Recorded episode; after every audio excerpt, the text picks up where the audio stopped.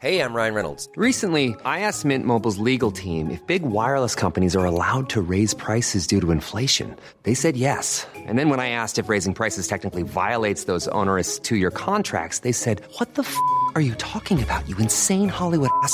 So to recap, we're cutting the price of Mint Unlimited from $30 a month to just $15 a month. Give it a try at mintmobile.com slash switch. $45 upfront for three months plus taxes and fees. Promo rate for new customers for limited time. Unlimited more than 40 gigabytes per month. Slows. Full terms at mintmobile.com. Halo pendengar GGMI Podcast, baik lagi bersama kita berdua dan masih dalam suasana winter transfer dan tiba-tiba ada suatu kejanggalan dan juga anomali transfer yang, yang akan dilakukan ya karena masih rumor gitu kan. Iya, iya. Katanya MU akan mendatangkan Marco Reus, pemain yang udah cukup lama kita main Reus di FIFA 2011. dan ternyata akhirnya muncul eh, di permukaan gitu. Karena lu ngelihat gimana potensi kepindahan Reus ke MU di musim eh, ini, Vin? Nah, sebenarnya ini kan datangnya tiba-tiba ya si Marco Reus ini kan. Datangnya tiba-tiba di minggu lalu di mana kita lihat itu agennya, gue lupa namanya siapa, itu ternyata hadir di derby Manchester. Dan waktu itu katanya cuma mau nonton aja. Cuma ternyata beritanya muncul lagi nih minggu ini. Kalau ternyata si agennya Marco Reus ini lagi mengadakan sebuah meeting rahasia dengan Erik Ten Hag gitu. Dan Kabarnya bukan untuk winter ini tapi untuk summer depan. Yang mana ternyata di summer depan itu kontraknya Marco Reus itu habis dan belum ada tanda-tanda akan adanya perpanjangan kontrak untuk selanjutnya gitu. Mengingat usia juga dia udah 33 tahun. Itu sih menurut gua situasi terkininya adalah masih rumor dan ini kan dibilangnya sama Christian Falk ya. Dan gua somehow kalau Christian Falk ini agak-agak ini apa gua nggak bisa percaya 100% gitu. Meskipun dia juga kabar ini dari Jerman gitu. Cuma memang Falk ini kan sering ya sering eh,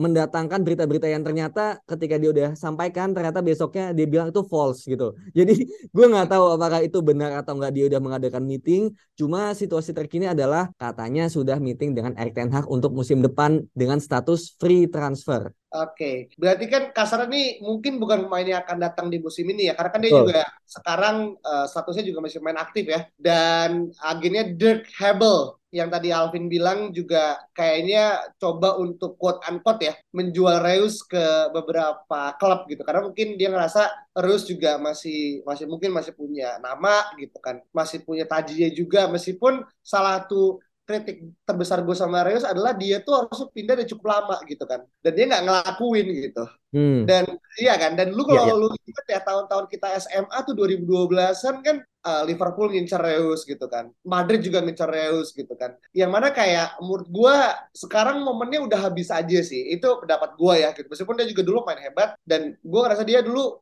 in my opinion dia kan sebagai AM ya.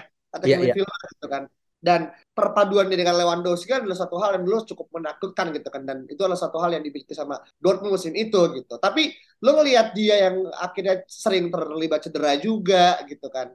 Dan udah agak jauh nih dari sorotan media gitu kan. Lo ngerasa pembelian Reus ini akan menjadi salah satu another Erikson story? Atau lo ngelihat ada something yang ingin dibuild sama Tenak dengan mungkin budgetnya yang ya nggak nggak banyak-banyak banget lah meskipun kita akan dapat eh, owner baru kira-kira Vin. Nah, ini sebetulnya menarik ya karena ketika kabar Marco Reus ini akan ke MU ini mencuat ya di media, gue pun bingung gitu kayak ini buat apa gitu loh, buat apa ada Marco Reus gitu, yang udah tua, yang track record cederanya juga banyak banget gitu, bahkan dia sempat miss out dua event besar ya, Piala Dunia atau Euro gitu, gue lupa pokoknya gara-gara itu dia nggak jadi main gitu, dan satu-satunya dia main adalah ketika Jerman ini nggak lolos grup gitu yaitu 2018 itu satu-satunya event besar di mana dia bisa bermain gitu. Jadi kasihan banget Marco Reus ini nggak pernah bisa menunjukkan tajinya di level internasional yang tertinggi gitu. Nah ini kan juga jadi salah satu pertimbangan seharusnya gitu. Dan ketika Ten Hag ini menginginkan Marco Reus yang udah situasinya sebenar sebenarnya nggak bagus berarti ada something kalau memang benar ya Ten Hag ini mengincar ya. Kalau yang gue lihat poin-poin lu sebenarnya benar semua gitu. Yang mana yang pertama adalah masalah budget. Meskipun kita tahu ya bahwa em, apa namanya dengan adanya kemungkinan owner baru ketika transfer, tapi gue juga sempat baca bahwa ada kemungkinan nanti tuh budget MU itu akan sedikit dibatasi gitu. Nah, sepertinya memang fokusnya untuk summer nanti itu adalah lebih kepada penyerang. Dan mungkin MU akan bayar berapapun harganya itu. Mau 100 juta, 150 juta. Dan nanti sisanya posisi lain seperti bek kanan, kiper ataupun gelandang itu akan ya remah-remahnya aja lah sisa-sisa budgetnya aja. Jadi mungkin Ten Hag udah mencuri start dari sekarang siapa aja nih pemain-pemain yang sepertinya kalau worst case-nya MU akan jor-joran untuk penyerang dan gak ada budget lain untuk gelandang, ya udah akhirnya gue ambil gratisan aja dan gue udah sempat ada little talks lah gitu untuk pemain ini gitu. Sepertinya sih kayak gitu. Jadi uh, ini adalah masih menimbang-nimbang dan belum fix juga gitu. Jadi mungkin Marco Reus ini adalah opsi ketiga, opsi keempat atau opsi kelima gitu. Yang penting Ten Hag udah melakukannya dari sekarang untuk jaga-jaga gitu. Dan kalaupun hmm. dari masalah posisi, gue juga setuju sama lo. Tadi lo bilang bahwa ini adalah Erikson 2.0, yang mana pemain yang sebenarnya udah agak declining, tapi masih bisa di-convert untuk menjadi sesuatu yang beneficial untuk tim. Dan yang gue lihat, gue juga tadi sempat nonton di YouTube untuk masalah uh, apa gaya bermain dia dan similar playernya adalah Bruno Fernandes dan juga Christian Eriksen gitu.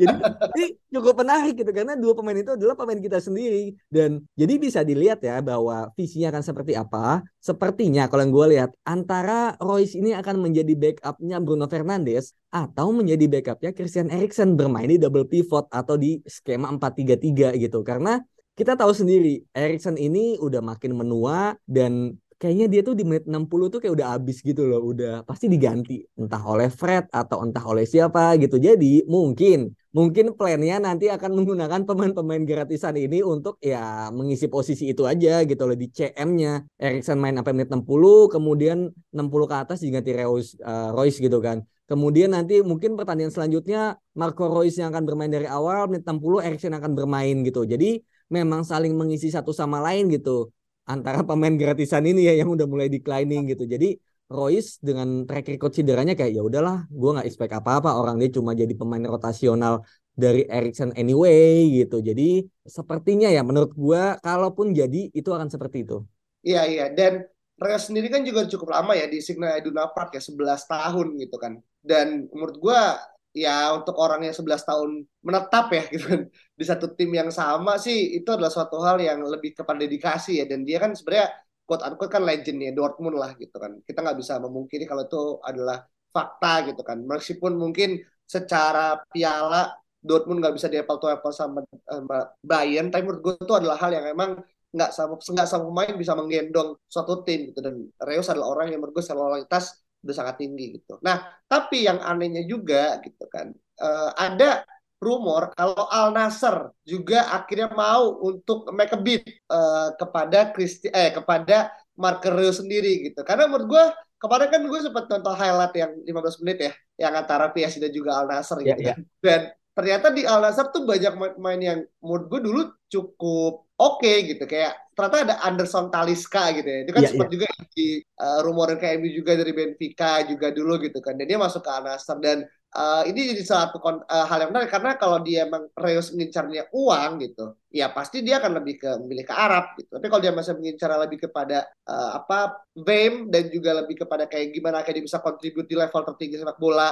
dunia ya menurut gue sih MU adalah pilihan yang tepat gitu kan. Dan dia ini kan Arias ini kan secara sejarah kan datang dari Mönchengladbach ya di Betul. tahun 2012 gitu kan. Bermain 368 kali, mencetak gol 156 gitu. Jadi menurut gue conversion golnya setiap dua setiap dua match satu gol lah gitu ya. Menurut gue ini juga cukup produktif ya untuk pemain yang tidak berposisi sebagai seorang penyerang gitu kan, sebagai hmm. AM gitu. Dia bisa main di UWIT juga tapi ini suatu hal yang menurut gue perlu untuk uh, apa namanya diapresiasi. Plus dan juga kapten uh, di Dortmund juga kan. Jadi leadership dia juga menurut gue bisa menjadi apa ya penopang ketika misalkan Fernandes gak jadi main atau mungkin Maguire juga nggak main. Menurut gue dia adalah sosok kapten yang mungkin tanpa tanpa ban ya gitu ya. Dalam arti tanpa punya ban kapten tapi dia juga punya leadership juga gitu kan. betul betul.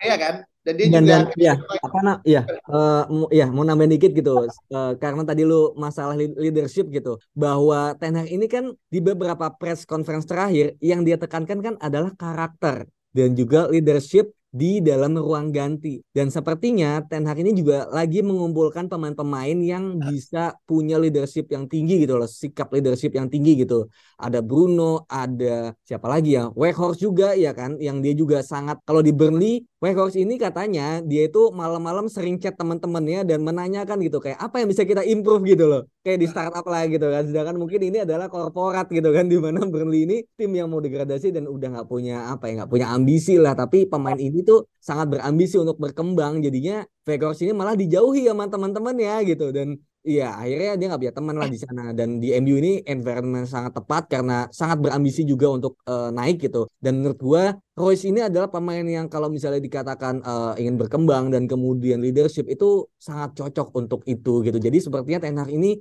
nggak melihat hanya dari sisi kualitas mainnya aja, tapi lebih kepada sisi di mana ruang ganti ini bisa punya mentalitas juara yang sangat tinggi dan itu ada di Marco Royce. Hmm, ya, ya, ya, ya, ya ini plus poin lah ya. Misalnya kayak trade. Yang memang akhirnya sepak bola tidak hanya sekedar dia nendang bola atau ngoper tapi juga ada hal-hal yang itu cukup menentukan terkait dengan bagaimana uh, pertandingan tuh berjalan. Apalagi kan kalau orang-orang Karius ini kan harapannya bisa membimbing ya para pemain muda gitu kan. Dan kita juga punya beberapa pemain muda yang potensial dan semakin banyak pemain-pemain kayak Bruno, Erikson, Marco Rose misalkan jadi datang ya. Itu kan akan menambah sisi nggak cuma pengalaman transfer ilmu tapi juga bagaimana mentalitas gitu. Itu kan yang akhirnya dicoba didatangkan sama Ronaldo kan ketika dulu awal kan Hmm. Bagaimana akhirnya sosok-sosok kayak Rashford, uh, Sancho, even Anthony gitu melihat ada suatu apa ya mega cuma mega bintang tapi juga ada suatu contoh gitu kan yang meskipun ujungnya jadi backfire tapi kita bisa lihat Reus adalah orang yang secara personality cocok lah. Meskipun ya ini agak sedikit sentimen dan gue baca di Twitter gitu. Kan kalau kita ngomongin tim ya uh, eh sorry negara gitu Inggris dan Jerman tuh kan sebenarnya rival ya. Sama kayak uh, Malaysia Indonesia lah gitu kan. Yeah. dan kayak buat beberapa gue baca di Twitter buat beberapa fans Inggris yang garis keras gitu. Menolak kedatangannya Reus gitu. Karena dianggap ya tadi gitu kayak ada sentimen aja negara gitu. Inggris dan Jerman tuh nggak akan pernah akur lah gitu. Dan itu udah terjadi dari zaman-zaman ini apa uh, apa sih perang segala macam gitu kan. Dan mungkin uh, apa ya benar-benar terimplementasi ketika dalam konteks sepak bola itu sendiri gitu. Tapi well um, ya itu inilah ya bubu-bubu aja sebagai salah satu bentuk kalau pemain itu juga punya yang namanya uh, catatan sejarah ya. Dan uh, beberapa hal emang kadang nggak bisa diterobos. Tapi kita lihat nih gimana perkembangan karena ini juga masih uh, ini ya masih rumor ya. Tapi gue juga baca nih di salah satu apa namanya uh, artikel gitu kan kalau Reus tuh ditanya sama salah satu apa namanya reporter di Daily Mail, dia bilang kayak uh, gimana perasaan lu udah main 11 tahun gitu kan uh, dengan Dortmund dan gimana masa depan lu dibilang that's what I have an agent for to take care of this thing. Jadi dia juga mencoba untuk jawab diplomatis ya kayak ya itulah kenapa gue punya agen gitu untuk akhirnya bisa nge bisa nge-manage ini gitu. Jadi kita lihat aja, kita nikmati aja gitu karena nggak akan terjadi cepat ya. Dan gue sih berharap ini akan menjadi another Wijnaldum ya. Wijnaldum juga pindah dari Liverpool ke PSG kan umurnya juga udah 30-an kan. Saya yeah, gue yeah, ya. Dia kan 33, 32 tapi dia juga masih maksudnya kalau Wijnaldum memang masih main inti dan juga main di uh, Belanda as in apa senior dan juga squad inti dan juga Liverpool juga dampaknya juga besar gitu. Dan Reus kan ini kan bisa jadi exception ya. Betul uh, betul. Dan, dan, ya dan juga mungkin satu yang mungkin agak mengganjal adalah masalah gaji gitu. Karena gaji Royce ini ternyata di Dortmund itu sangat tinggi men. Iya. sekitar dua ratus ribu dan dia tuh highest earnernya di Dortmund gitu. Dan kalau di MU kan nggak ada apa-apanya ya gitu. Jadi ya. dengan rumor MU juga mau ada top sailing untuk gaji yaitu di angka 200 dan pemain ini hanya menjadi backup itu 200 gue masih uh, ragu gitu. Apakah ini benar nih bakal digaji 200 gitu? Jadi ini juga sebenarnya masih menjadi uh, apa namanya kayak ya kita lihat kita lihat ke depannya gimana dan uh, mungkin ya betul gitu sangat menjadi rotasi untuk mengisi satu sama lain karena untuk posisi ternyata dia juga fasih gitu bermain di AM kemudian sayap kiri sayap kanan dan mungkin juga dia bakal diplot menjadi CM gitu loh CM yang bisa mengatur ritme pertandingan kalau misalnya Erikson sedang tidak bisa bermain dan lagi off gitu kan. Karena belakangnya Casemiro men udah aman banget gitu. Jadi mau CM-nya juga se-advance apa pun as long as Casemiro itu aman sih. Jadi sepertinya gue sih sangat senang ya kalau misalnya Royce datang asal nggak cedera aja terus gitu. Iya iya dan juga kita juga pernah ya memiliki dulu kan Wayne Rooney kan juga pernah jadi sebagai CM ya beberapa kali. Siapa?